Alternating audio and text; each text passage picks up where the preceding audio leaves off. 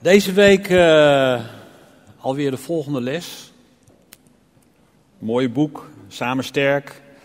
En dat gaat over discipelschap als levensstijl. Uh, wie, uh, wie, wie doet dat al? Mag ik even wat handen zien? Wie, wie, wie ziet echt van, nou, ik ben een discipel, dat is mijn levensstijl. Oh, dat zijn er veel te weinig. Dus nou ja, ik zou zeggen, ga naar de kleine groep toe. En uh, er zijn een hele hoop hosts die je graag mee willen nemen om uh, een echte discipel van Jezus te zijn. Maar dan als levensstijl.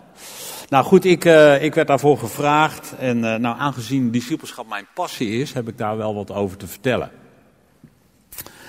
Maar goed, even een paar heugelijke, net zoals Henk en Marta een, een feest te vieren, heb ik, heb ik dat ook. Ik, ik ben afgelopen, of twee, we twee weken geleden met pensioen gegaan.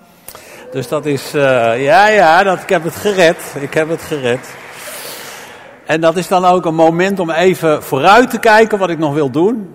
Maar ook een moment om even terug te kijken, wat, wat heb ik eigenlijk gedaan? En dan, dan, ja, dan zijn er een aantal belangrijke lessen die ik dan opschrijf. En die zijn eigenlijk allemaal over discipelschap. Discipelschap. En ik, ik heb me heel erg laten uh, inspireren, natuurlijk door het woord van God en Jezus. Dus laten we dat even duidelijk maken. Maar ook wel door bepaalde films en bepaalde boeken die ik gelezen heb, die helemaal in lijn zijn uh, wat ik uit het woord probeer te halen. En ik heb drie thema's opgeschreven die ik uh, heel graag met jullie wil delen vanmorgen. En ik noem ze alvast, dan kun je er een klein beetje over mijmeren. De eerste is, ben je een nemer of ben je een gever? Sluit ook mooi aan bij de studie die Patrick geschreven heeft. En de tweede is, are you the captain of your soul? En de derde is, Jan is het plan. Ik bedoel niet die Jan, maar een andere. Jan is het plan. Nou, daar heb je alvast wat, uh, wat dingen om over na te denken. Wat zou dat allemaal betekenen? Nou, een nemer of een gever. Uh, ik wil even beginnen met leiderschap. Leiderschap is het vermogen om anderen te beïnvloeden door inspiratie. Door je passie en het doel wat in je hart is. Nou, mijn passie is, is absoluut discipelschap. Ik heb er een paar, maar dit, dat is er echt één. En ik geloof echt door uh, de inspiratie die ik wil geven vanmorgen en de passie die er in mijn leven is, dat ik jullie wil warm maken om een gever te worden. Misschien ben je dat al. Uh, een van de dingen waar ik van houd, dat zijn anti-helden. Er zijn natuurlijk heel veel helden in ons leven die het allemaal goed doen. Maar ik hou juist van mensen zoals Jezus. Dat is voor mij ook een anti-held. Dat, dat, die man die heeft zoveel wonderen gedaan. Dat is ongelooflijk. Dat kun je niet in boeken beschrijven. Hij heeft zo'n succes gehad. En dan gaat het helemaal mis in zijn leven. Op de een of andere manier inspireert dat mij. Dan, dan wordt hij opgepakt, hij gaat naar het kruis, hij sterft daar en dan denk je dan is het afgelopen. Tenminste als je zijn discipel bent. Dan hangt hij daar en dan denk je het is afgelopen, hij sterft.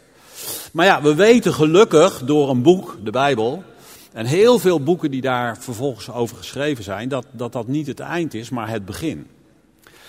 Nou, dat, dat noem ik een anti-held. Het gaat helemaal mis dus ik kijk ook graag films waar die anti-helden in, uh, uh, ja, in beschreven worden. Ook boeken.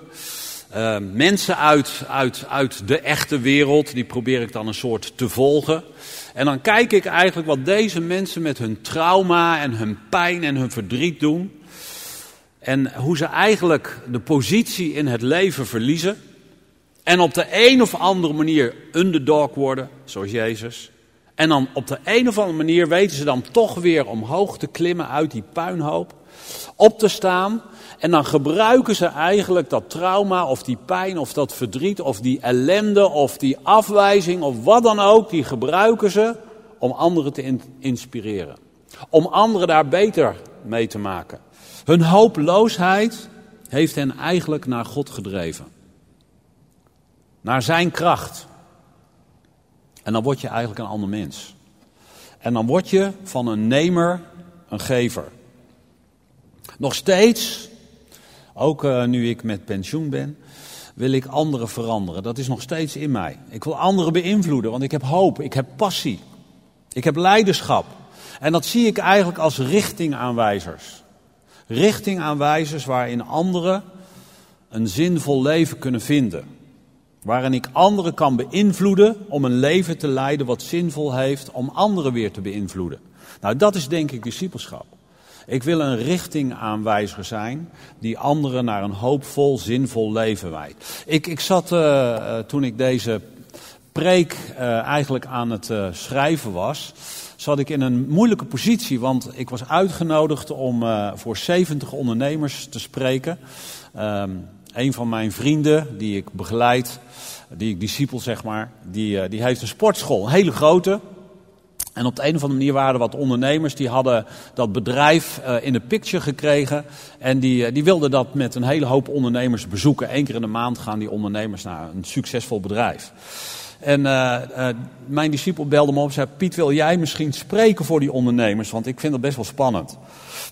En je hebt maar een kwartier. Nou, dat is voor mij altijd wel wat lastig. Ik hou ervan om wat meer ruimte te hebben. Maar goed, ik, ik vond de uitdaging leuk. En toen werd ik opgebeld door de mevrouw die dat allemaal leidt. Een hele uh, pittige, uh, hele aardige mevrouw. Maar ze zei, u bent wel heel christelijk. Ik heb u gegoogeld, maar eigenlijk willen we dat niet. We willen dat niet horen. Ik zeg, oh, dat is best wel lastig. Want ja, ik spreek 30, 40 jaar. En, en om dan niet over Jezus te praten, dat is heel lastig. Maar dit waren ondernemers die allemaal, ja, misschien niet christelijk waren. En, en, en die wilden gewoon een paar principes horen. Dus ik heb deze preek die ik nu hou, helemaal keurig netjes zonder het woord God of Jezus te gebruiken, opgeschreven. Want de principes zijn gewoon uit het woord, zijn uit de Bijbel. Maar ze gelden voor iedereen. Of je nou christelijk bent of niet. Daar ben ik echt van overtuigd. Dus een van mijn favoriete films is Gladiator. Dat is een hele bloederige film, dat weet ik. Maar daar is een, een generaal, Maximus heet hij, en uh, die heeft heel veel succes gehaald. Hè. Dat is echt een overwinnaar. Die heeft uh, door heel Europa gereisd met zijn legers. Er zit een zekere mate van waarheid ook in. In de tijd van de Romeinen, in de tijd van de Caesars. En dan op een gegeven moment uh, wordt hij een soort, ja, echte zoon van, van, de, van de keizer. En die wil hem een soort plaatsvervanger maken. Maar, zijn, maar de echte zoon van de keizer, die, die wil dat niet. En, en een heel naar verhaal, die vermoordt de, de, de keizer. En dan uh, moet die, die generaal trouw zweren aan de nieuwe keizer, maar dat doet hij niet. En dat is levensbedreigend, dus hij wordt bijna vermoord. Hij ontsnapt. En uiteindelijk komt hij als gladiator komt hij terug in Rome. En dan zie je eigenlijk dat, dat deze man vol haat zit, vol boosheid, vol, ja dat kan ik me ook voorstellen, want zijn hele leven is eigenlijk kapot gemaakt door die ellende die hij meemaakt. En dan staat hij ergens weer op en dan, dan weet hij toch te overwinnen. En wordt hij eigenlijk de held van het volk. Iedereen kent hem en ze scanderen hem. Martin Luther King, dat is ook zo'n anti-held. Ook een man die, die hele massa's op de been brengt voor zijn passie dat blanken en gelijken worden. En, en, en deze twee mannen hebben iets gemeens. Ze hebben het gemeen dat ze bereid zijn om voor de passie die ze hebben te sterven. Deze mensen, die ik allemaal noem, die hebben de bereidheid en, de, en, en ja, zeg maar het inzicht uh, om met anderen te delen, maar ze zijn ook bereid om voor hun passie te sterven. Net zoals Jezus die ik net noemde. Een andere held, anti-held, is Nelson Mandela. Uh, ik, heb, ik heb veel over hem gelezen, ik heb films van hem gezien. Maar er is één film die, die springt er voor mij bovenuit, dat is Invictus. Dat gaat over, uh, de, de, uh, dat gaat over het leven van Nelson Mandela en over een, een rugbyteam. En die worden uiteindelijk wereldkampioen, net zoals deze week, zag ik toevallig. Ze zijn weer kampioen geworden. Maar die film wordt eigenlijk Nelson Mandela uh, neergezet als een man die 27 jaar in de gevangenis gezeten heeft. Ze gaan ook naar, die naar dat kleine kamertje toe waar hij opgesloten gezeten heeft. 27 jaar. En die, die tweede, dat tweede thema, I'm the captain of, the, of my soul, komt van hem ben je de kapitein van je ziel. En deze Mandela die, die was in staat om zijn ellende die hij daar 27 jaar op dat eiland, dat Robben-eiland meegemaakt heeft, om toch te kunnen vergeven. Daar ga ik het zo over hebben. Een andere man die jullie niet kennen, die noem ik even, uh, zeg maar even Hans. Die woont in het Midden-Oosten. Man totaal verbitterd toen ik hem ontmoette. Ik ontmoette hem in het Midden-Oosten en uh, ik wist totaal niet wat ik aan hem had. Hij sprak ook bijna niet. En uh, in een van onze seminars uh, hadden we een heel groot kruis staan. En, en, daar ging ik samen na drie dagen met hem naartoe. En toen opende hij voor het eerst zijn hart. Hij vertelde dat zijn moeder was vermoord. sorry, zijn vader was vermoord in de oorlog. Zijn moeder was daarna heel snel uitgehuwelijkt. En hij werd met zijn broertje aan zijn oom gegeven. Heel jong. En eigenlijk was zijn leven meer het leven als een slaaf dan als het kind van het huis. Ook weer allemaal ellende. En wat doe je dan? Uh, en toch had hij een passie, want hij wilde kinderen in, die in zijn situatie uh, waren, wilde hij gaan helpen.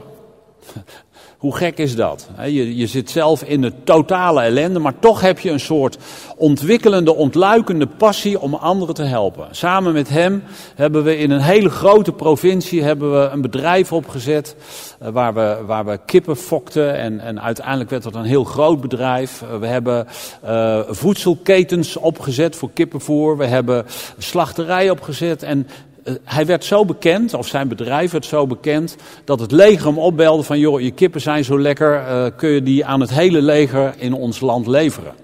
In vijf jaar tijd. Hoe kan zo iemand, die zo eigenlijk kapot was van binnen, zo, zo veranderen? Dat kwam omdat hij een gever was. En als ik aan discipelschap denk, is dat denk ik een van de belangrijkste dingen, dat je eigenlijk van een nemer, noem ik het maar even, een gever wordt. In, in de studie die jullie van de week uh, doorlezen, daar staat, daar staat een, een ijsbreker. En dat gaat eigenlijk over cadeautjes geven of vind je het leuker om cadeautjes te ontvangen. Het gaat over het verhaal van de verloren zoon. De verloren zoon was een nemer. Hij liep weg van huis, hij wilde het geld van zijn vader meenemen en hij verkwanselde het. Maar die andere zoon, waar het in het verhaal ook over gaat, die woonde wel thuis en hij kon alles krijgen, maar hij, hij kon niet ontvangen. Dat is nog een ander probleem. Nou, lees het maar in, in, in het, in het uh, studiemateriaal. dat gaat over, over eigenlijk twee kinderen die allebei niet tot hun bestemming komen. De een die neemt, die pakt af, maar de ander kan niet ontvangen. En eigenlijk in discipelschap denk ik dat er een geheim zit dat je een gever wordt. En een van de verhalen eh, waardoor mijn leven echt is veranderd, dat gebeurde in Toronto. Ik was, uh, ik was op een conferentie. En uh, dat was een leidersconferentie. Ik was heel zwaar overspannen geweest. Ik praat over ongeveer twintig jaar geleden. En, en op die conferentie, daar, daar, was de liefde van de vader. Zo werd die conferentie ook genoemd, de liefde van de vader. Dus nou, ik was er maar met een aantal vrienden. En daar werd heel veel gebeden op die conferentie. En er stonden overal gebedsmensen en, en ook gebedslijnen. Moest je achter zo'n streepje gaan staan. En heel veel mensen werden diep aangeraakt. Nou, ik had die behoefte, ik weet niet of je dat kent, hè, dan, heb je, dan wil je iets van God ontvangen, maar jij bent net de enige die het niet krijgt. Ken je dat? Wie kent dat? Oeh, dat zijn er wel heel veel. Herkenning. Ik was zo iemand, vier dagen lang. Ik stond in elke gebedsrij, elk moment wat er maar gebed was, want ik was zo ellendig. En ik had maar één ding nodig, de liefde van de Vader. En die kreeg ik eigenlijk niet. Het was een fijne conferentie, sorry, maar het was prima. Maar ik, ik, ik, ik werd niet vervuld met die liefde en die had ik zo hard nodig. En we gingen naar huis, maar voordat we naar huis gingen was nog één en halve dag. We zouden s'avonds terugvliegen. En s ochtends was er nog een gewone kerkdienst. Die, die, conferentie, er zaten 5000 man in die zaal. Hele grote zaal. Maar, maar de kerkdienst was ja, ietsje groter dan dit. En mijn vrienden die wilden daar naartoe, maar ik niet. Want ik had het wel gehad. Ik denk van nou, ik heb die liefde niet ontvangen. Ik ga naar huis, ik was sikkeneurig. Maar ik had één vriend die een beetje volhardde. En die zei, kom op, we gaan. Dus wij er naartoe. Ik loop die zaal binnen en ik voelde het. Wat, weet ik niet. Ik, ik ging op mijn stoel zitten. We konden helemaal vooraan zitten, dus dat was leuk. En ik geloof na het tweede lied lag ik ergens daar tussen, tussen de banken of tussen de stoelen. En daar heb ik drie uur gelegen in die aanwezigheid van God. En we kwamen terug en er was, er was een, een, een gastheer en die zei, jullie moeten nog even dit, deze, deze preek zien. Nou, we waren zo vol van God dat we dat er ook nog wel bij wilden hebben. En, in die, en, en toen gaf hij een profetie over ons leven en hij zei, jullie zijn net als uh, onderzoekers naar gorilla's. Ik denk, kijk nou dan, onderzoekers naar gorilla's. Ja, jullie zitten, jullie zitten bij de dierentuin te kijken naar gorilla's achter de tralies. Dat zei hij letterlijk, hè. Maar jullie moeten het oerwoud in. Dus, dus ik zie jullie het oerwoud ingaan met bloknotes en pennen en, en, en fotoapparaten en, en uh, dingen om op te schrijven. Maar, maar, maar, jullie moeten dat wegleggen, zei hij toen. Dat was de tweede opdracht. Leg dat allemaal weg. Je moet één worden met hen. Dat zei hij letterlijk. Nou, ik vond het een beetje een raar, uh, raar beeld. Ik had er niet zo heel veel aan. Wij gingen naar huis. En met de liefde van God snapte ik nog niet helemaal wat daar nou mee werd bedoeld. En toen kwam ik thuis en, en nou Ina die was naar het werk, dus ik denk ik zet even, even de, ik, ik, had zin om even een film te kijken. Dus ik, ik, ik vond een film die was interessant, die heette Instinct, Anthony Hopkins. Wie kent die film? Waar gaat het over? Gorilla's. En in die film, Anthony Hopkins speelt daar een professor die op zoek gaat naar de ware aard van de gorilla. Dus hij zit letterlijk in een dierentuin met een notebookje en een pen en een fotocamera. Daar zit hij daar voor die gorilla's achter de tralies te kijken hoe die beesten leven. En dan gaat de film verder en dan gaat hij het oerwoud in. En dan zie je letterlijk een, een notitieboekje liggen met een pen en een camera, want hij trekt naar die familie van gorilla's toe. Ik vond het een geweldige film. Het, het raakte me zo diep. Waarom? God had tot, tot me gesproken, maar ik wist nog niet wat hij ging zeggen. En in één keer, het is, het is ja, die film die moet je eigenlijk zien. En dan zie je dat die, die professor raakt de hand aan van een gorilla. Ze raken elkaar aan. Dat vergeet ik nooit meer. Het was zo'n bijzonder moment voor mij, want ik, ik voelde, nou gaat God iets zeggen, maar wat gaat hij zeggen? En terwijl dat mooie moment voorbij ging, kwamen er takers, nemers. En dat waren stropers. Die wilden die gorilla's doden en ze doden die hele familie van gorilla's. En die, en die professor werd woest. Die zag je uit zijn dak gaan en die begon te slaan. En uiteindelijk slaat een man dood. Hij komt in de gevangenis. En dan komt er een, een advocaat en, en die, die, die professor die praat niet. En langzaamaan dan gaat hij praten in die film. En dan, dan komt het hele verhaal, het verschil tussen mensen die willen nemen, zoals die jagers en die stropers, en mensen die willen geven. En, en ik, ik stond helemaal van bovenaf tot onder, onder een soort elektriciteit. Want ik dacht, dat is wat God tegen mij wil zeggen. Dat is de basis van discipelschap voor mij geworden. Het is misschien niet een Bijbels verhaal, maar het is wel een verhaal wat mijn leven veranderd heeft. Want ik wilde een gever worden. Iemand die niet meer leeft voor zichzelf, maar die gaat geven aan die ander. Dat begint bij mijn vrouw. Ik was een nemer. Ik wilde van haar alles hebben. Ik was ook wel een gever een beetje, maar ik, ik, ik had me erop toegezet, ik wil echt een gever voor haar worden. Dat was op mijn werk. Ik, was al, ik wilde er altijd iets van terugkrijgen. Zo zat ik ook in de kerk. Ik ging naar de kerk om iets te krijgen. Zo zat ik in bijbelstudies. Ik wilde iets krijgen, iets nemen. En ik besloot, Heer, ik wil net als Jezus Christus niet naar, die naar de aarde kwam om zichzelf te geven. De basis van discipelschap ligt hierin. Ben jij een nemer of ben jij een gever? Dat is een beslissing. En ik wil, terwijl ik verder praat, want de tijd dringt, ik moet weer doorgaan, wil, wil ik je vragen om dit gewoon even te overwegen. Ben jij een nemer? Zit je hier om te krijgen, te pakken? Of ben je hier naartoe gekomen om te geven? Iets wat al in jezelf is, wat je aan die ander kan geven. En iedereen heeft iets, ben ik tot ontdekking gekomen. Iedereen heeft iets. Je hebt altijd wel iets ontvangen wat je kan delen. Zelfs de lessen uit je ellende kun je delen met een ander, zodat die ander er beter van wordt.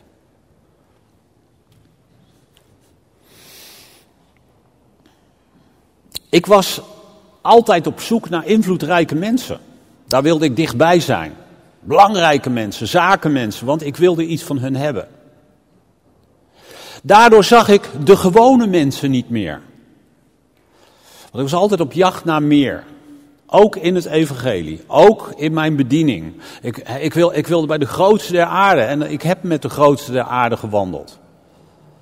En ik kwam tot de conclusie dat God houdt van iedereen. En dat dat dus ook mijn opdracht is. Hij houdt van gewone mensen, net zoals wij met elkaar gewone mensen zijn. Daar gaat zijn liefde naar uit. En aan die mensen wilde ik gaan geven. Het draaide helemaal om in mijn leven. Ik hoefde niet meer bij al die belangrijke mensen te zijn. Ik wilde bij gewone mensen zijn en daar geven wat God mij had gegeven. In die periode begon ik ook voor echte vriendschappen te gaan. Ik weet niet waarom je vrienden hebt, of misschien heb je ze ook helemaal niet. Maar ik had vrienden altijd nodig voor iets. En toen begon ik te zien hoe belangrijk het was ook, ook aan anderen te geven. En langzaamaan merkte ik dat er iets uit mijn hart verdween en dat noem ik maar even voor het gemak eenzaamheid. Ik was eigenlijk super alleen. En daarvoor probeerde ik van alles te nemen tot mezelf om die eenzaamheid te verdringen. Ook relaties.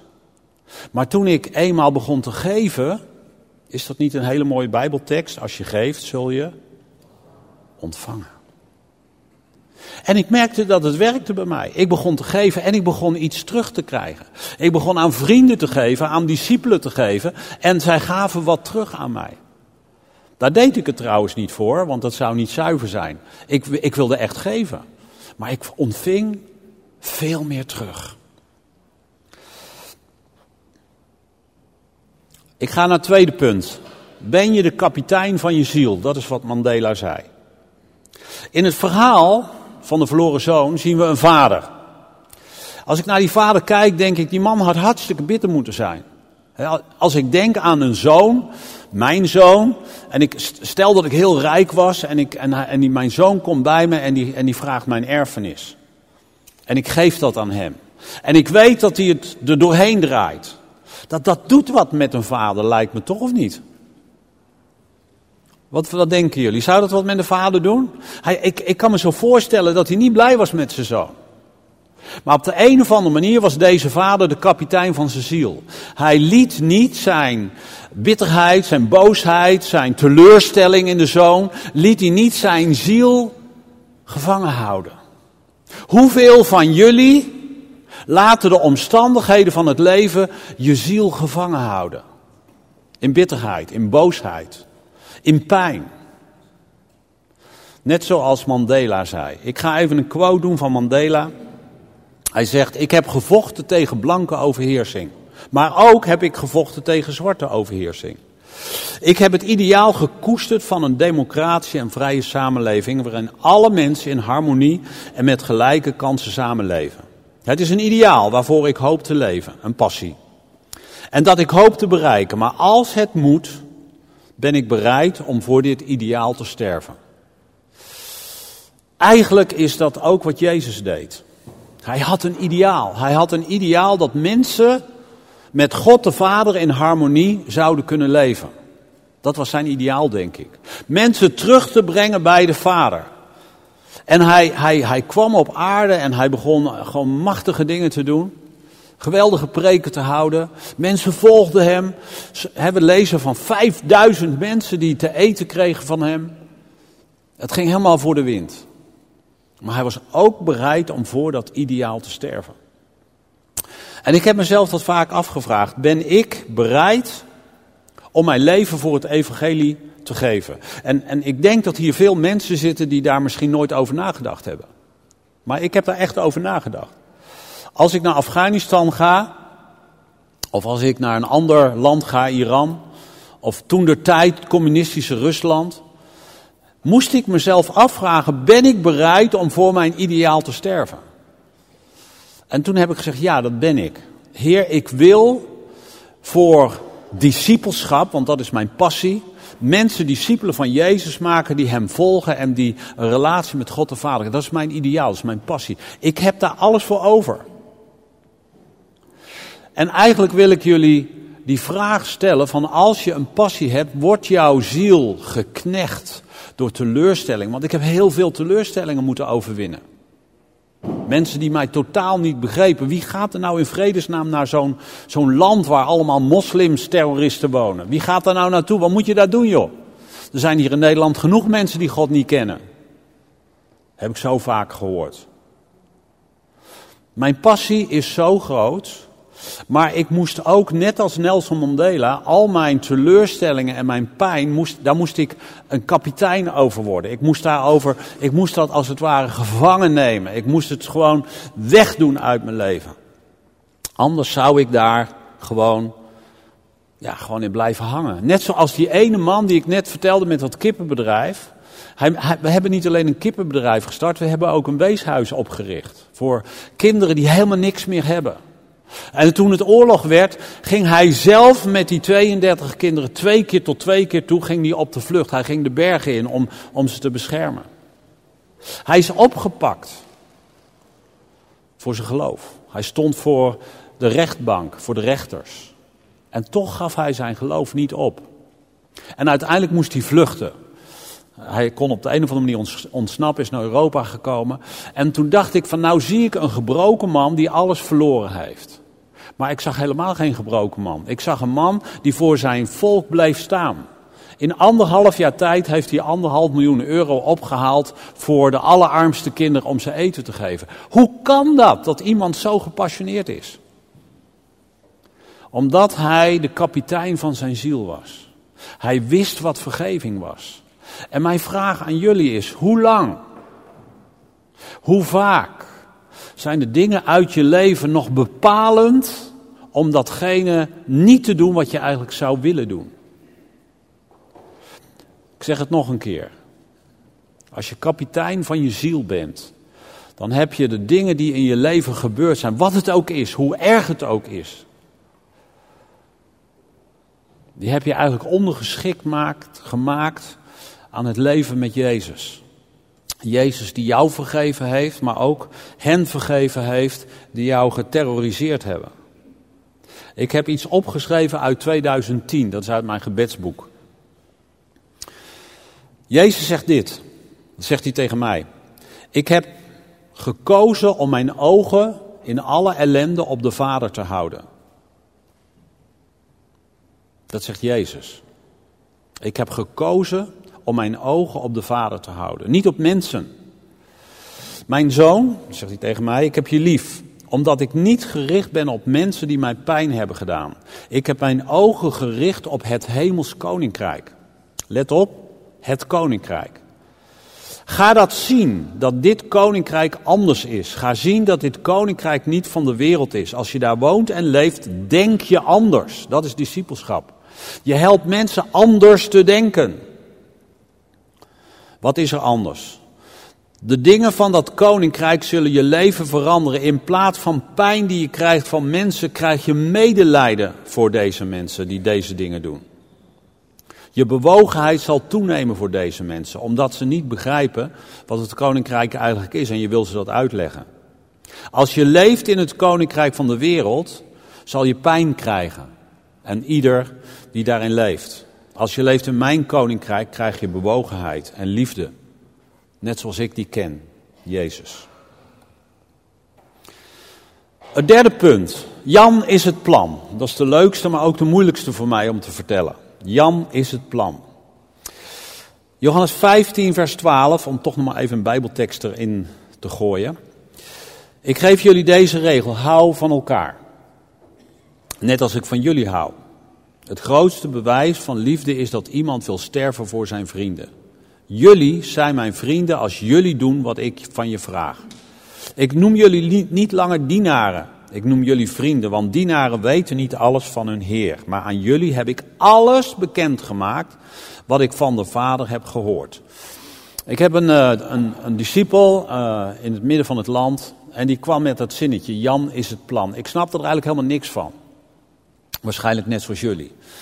En, en ik heb daar veel met hem over gesproken, maar ik, ik vond zijn passie geweldig. Want hij, hij zei niet, bijbelstudie is het plan, kerksamenkomsten is het plan, ecclesia is het plan, maar die ene persoon die God jou geeft is het plan. Daar gaat het om, om die ene persoon. Het gaat om die ene persoon die God aan jou toevertrouwt, dat je die ziet. Nou, dat klinkt heel mooi, heel religieus. Maar heel recent ben ik dit pas gaan zien. Ik dacht altijd dat ik mensen zag. Ik dacht dat ik heel veel mensen geef. Ik hou van mensen. En dat ik ook aandacht aan ze geef. En toch, ik geloof in een periode van zes weken, zijn er drie dingen op mijn pad gekomen. Waar elke keer hetzelfde thema naar voren kwam. Je ziet me niet, werd gezegd. Op ons feestje, Ina en ik hadden een feestje gegeven. We hadden twee vrienden uitgenodigd. En het was ons feestje voor mijn pensioen. Dus ik dacht, nou, ik doe ze even lekker uitpakken. We hadden een heel mooi restaurant uitgekozen en we zaten daar. En, en het was een leuke sfeer, gezellig. Maar plotseling veranderde die sfeer. Er gebeurde iets. En mijn vriend, die begon plotseling soort zijn beklag te doen. Of eigenlijk aan te wijzen wat hij vond in mij wat niet goed zat. Ik, ik weet niet of je dat wel eens op je feest overkomt. Dan ben je in een feeststemming. En dan, uh, ja, je bent gewoon hartstikke blij. En, en, en, ik moet zeggen, het waren echt niet zomaar vrienden, het waren echte vrienden. En in één keer draaide dat om. En Ina en ik hebben de hele week over gesproken en we wisten niet wat ons overkwam. Maar wat deze man niet wist was dat het al twee keer eerder tegen mij was gezegd in zes weken tijd. Je ziet me niet. En dat hoort bij Jan is het plan. Je kunt zo bezig zijn met mensen in een kerk dat je de persoon zelf eigenlijk niet ziet. Jij bent belangrijk voor God. En als we samen kerk zijn, als we samen ecclesia willen zijn of kleine groep willen zijn, kunnen we wel heel mooi dat programma wat zo prachtig geschreven is in een heel mooi boek staat, dat kunnen we wel doen met elkaar. Maar waar het eigenlijk om gaat is dat je die ander ziet. Dat is discipelschap. Dat is wat Jezus helemaal liet zien. Hij was niet alleen in een Bijbelstudie met zijn discipelen. Nee, hij was elke dag met zijn discipelen, drie jaar lang. En hij zag ook wat er in hun leven gebeurde. Hij, hij wist wat er aan de hand was met die mensen en daar speelde hij op in. Hij sprak daarover. En ik, ik heb voor mezelf een soort analyse gemaakt. Wat nou deze mensen probeerden te zeggen. En ik vond het heel moeilijk. Want we werkten toch samen, we deden toch alles samen. En toch zeiden die mensen, ik zie je niet. Nou, ik heb nog een boek, is een christelijk boek, heet De Wijsgier. En daar, daar, daar is mijn leven, ik geloof dat ik het tien keer gelezen heb. Ik heb inmiddels het tweede, tweede boek gekocht, want het is al zo ver uit elkaar gevallen dat je het niet meer kan, kan vinden waar alles eh, thuis hoort.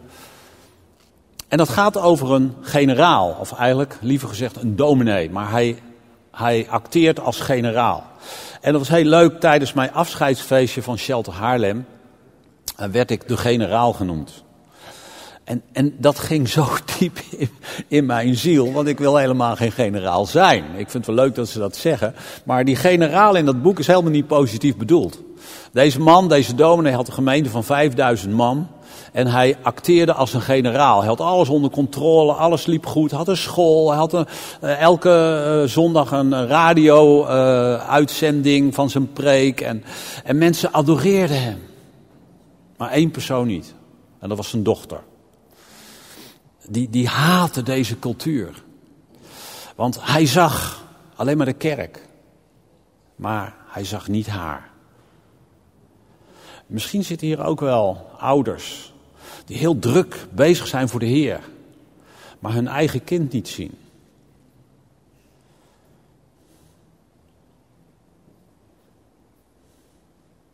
Ze zijn zo bezig.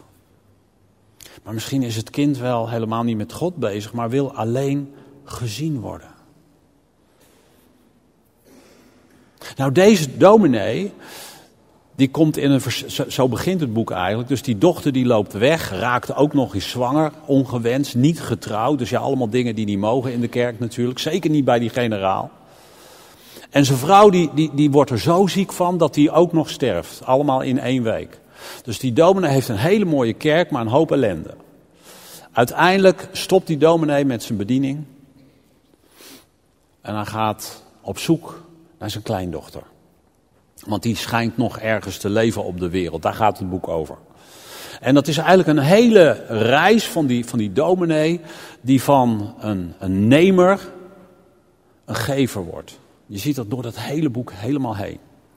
En dan uiteindelijk komt het goed. Ik ga het niet helemaal verklappen, maar het komt goed. Hij vindt zijn kleindochter op een hele bijzondere manier. Toevallig. Maar deze man is helemaal veranderd. Want hij zag plotseling die individu. Jan is het plan. Hij zag niet meer die hele grote kerk, maar die ene persoon in zijn kerk. Want uiteindelijk wordt hij wel weer dominee in een klein kerkje. Eigenlijk, als ik heel eerlijk ben, is deze preek voor mij een biecht. Voor mezelf. Want ik ben ook een leider geweest, en soms nog, die ik, ik hou van groot, ik hou van dingen in beweging zetten, ik hou van de wereld veranderen, het liefst landen veranderen, dat vind ik allemaal geweldig. Maar daardoor kan ik heel snel vergeten dat de mensen waar ik heel close mee ben, mijn vrienden, dat ik die niet meer zie. Dan ben ik alleen maar bezig met daar. Maar de mensen die God mij geeft, die zie ik dan niet. En in Johannes 15 staat dat Jezus noemde zijn discipelen vrienden. Dus dat waren niet zijn objecten. Dat waren niet zijn bekeerlingen waar hij zijn leven in gaf. Nee, hij noemde dat vrienden. Waarom? Hij zei: Alles wat ik heb, heb ik met jullie gedeeld. Alles. En ik hoop dat ik dat op het eind van mijn leven kan zeggen. Dat er een paar vrienden zijn die ik alles heb gegeven. En die ook tegen mij zeggen, je was echt een vriend voor mij. Ondanks dat ze mijn discipelen zijn. Ondanks dat ik ze dingen geleerd heb. Dat er zo'n intieme relatie is. Want ik geloof dat dat het wezen namelijk van God weergeeft. Ik hoop, en ik voel het aan de stilte bijna, dat jullie begrijpen wat ik zeg. God is liefde. Daar kun je over spreken. Daar kunnen we kerk voor zijn. Maar eigenlijk kun je liefde het beste zien tussen twee mensen. Dat kunnen twee vrienden zijn, dat kan een man en vrouw zijn, dat kan een vader met zijn kind zijn. Maar ik, ik observeer dat. Ik observeer mensen die met elkaar omgaan en dan, dan hoeven ze niet te vertellen of ze van elkaar houden. Dat zie je. En eigenlijk zegt God dat ook, ik ben liefde. En dat is een woord, maar het is ook zeg maar een gevoel, iets wat je, wat je kan proeven. Ik proef liefde. Ik, ik voel het ook nu. Ik voel het in de atmosfeer. Ik voel dat deze kerk een kerk is in, zeg maar, in transformatie. Van, geef, van, van nemers, zoals dat vroeger was, naar gevers. Maar die kerk kan dat niet alleen. De kerk heeft jou nodig. En daarvoor moet je gezien worden. En als je dan denkt, oh ja, de voorganger, hij, hij ziet al die mensen wel, maar hij ziet mij niet. Dan, dan mis je eigenlijk de essentie van wat kerk is. Want die kerk zit namelijk in jouw kleine groep. Waar je met z'n drie of met z'n vieren bij elkaar bent. Het is dus ook niet meer een kerk van groepjes, nee, de groepjes zijn de kerk. Patrick kan dat veel beter zeggen ik, maar ik vergeet altijd hoe hij dat zegt. Maar, maar die groepjes bij elkaar, wij zijn gewoon die hele mooie kerk. En degene die in jouw groepje zit, is de kerk ook. De Ecclesia. Ien en ik zitten vaak in de auto de laatste, het laatste half jaar. En, en, en dan zijn we stil, we houden van stilte en dan, en dan, dan voel je dat. Ah, ik ben zo gelukkig. Als we bij elkaar zijn, je voelt het. Ik ben zo gelukkig. Waarom? Omdat het goed is tussen elkaar. Wij zien elkaar. We hebben verbinding met elkaar. Als ik met vrienden in een Ecclesia groepje zit, of gisteren, Patrick en, en Leonie waren er ook bij en Arthur was erbij. We waren geloof ik met acht, acht studenten. En ik, ik, ik ging naar huis en ik zat in de auto. Ik ben gelukkig. Ik voel het. Ik voel liefde. Ik voel passie voor elkaar. Ik voel, ja, we, natuurlijk willen we heel graag dat die kerk hier vol zit op zondag. Of het liefst twee keer of drie keer, dat zou nog mooier zijn. Maar het begint met elkaar te zien. Elkaar te waarderen. Elkaar te bevestigen. Elkaar hoop te geven. Een richting aanwijzen voor elkaar te zijn. Naar een zinvol leven. En dat begint gewoon met het delen van je hart. Bij elkaar te zijn. Niet doen, maar zijn. En ik zei net, en ik ga gewoon stoppen, want het is alweer twaalf uur. Ik preek veel te lang. Maar ik, ik zie dat jullie het liefst hebben dat ik nog een half uur doorga. Maar dat ga ik niet doen. Ik zei, mijn preek is eigenlijk een biecht voor mezelf. Ik, ik, ik moet ook iets doen van de Heer, denk ik. Misschien ook wel een beetje van mijn vrouw, maar ik, ik wil namelijk vergeving vragen. Als leider. Ik ben een leider in de kerk. Ik spreek op veel plaatsen in Nederland. Dus ik ben echt een, een leider. En ik voel dat ik dat echt moet doen. Dat ik als leider zo vaak die individu niet heb gezien. Ik heb jou niet gezien, laat ik maar zo zeggen. En misschien doe ik dat ook wel namens de leiders, ook van deze kerk. Ik wil, ik wil niet de woorden in, in, in de mond leggen, maar ik, als ik naar ze luister, dan hoor ik vaak spijt. Van we hebben het zo gedaan, maar het had zo gemoeten. En misschien is dit wel weer zo'n historisch moment dat we als leiders willen zeggen: sorry, vergeef ons. We wisten niet hoe dat moest. Misschien werden wij zelf ook wel niet gezien. En daarom werden we zoals van ons verwacht werd. Wij zijn ook slachtoffer. Maar omdat we de kapitein van onze ziel zijn geworden en vergeven hebben, gaan we het anders doen. We willen jullie zien. En we willen jullie vragen om anderen ook te zien. Dus nogmaals, vergeef mij. Ook als je hier in de dienst zit en je denkt van ja, die man die ziet mij nooit.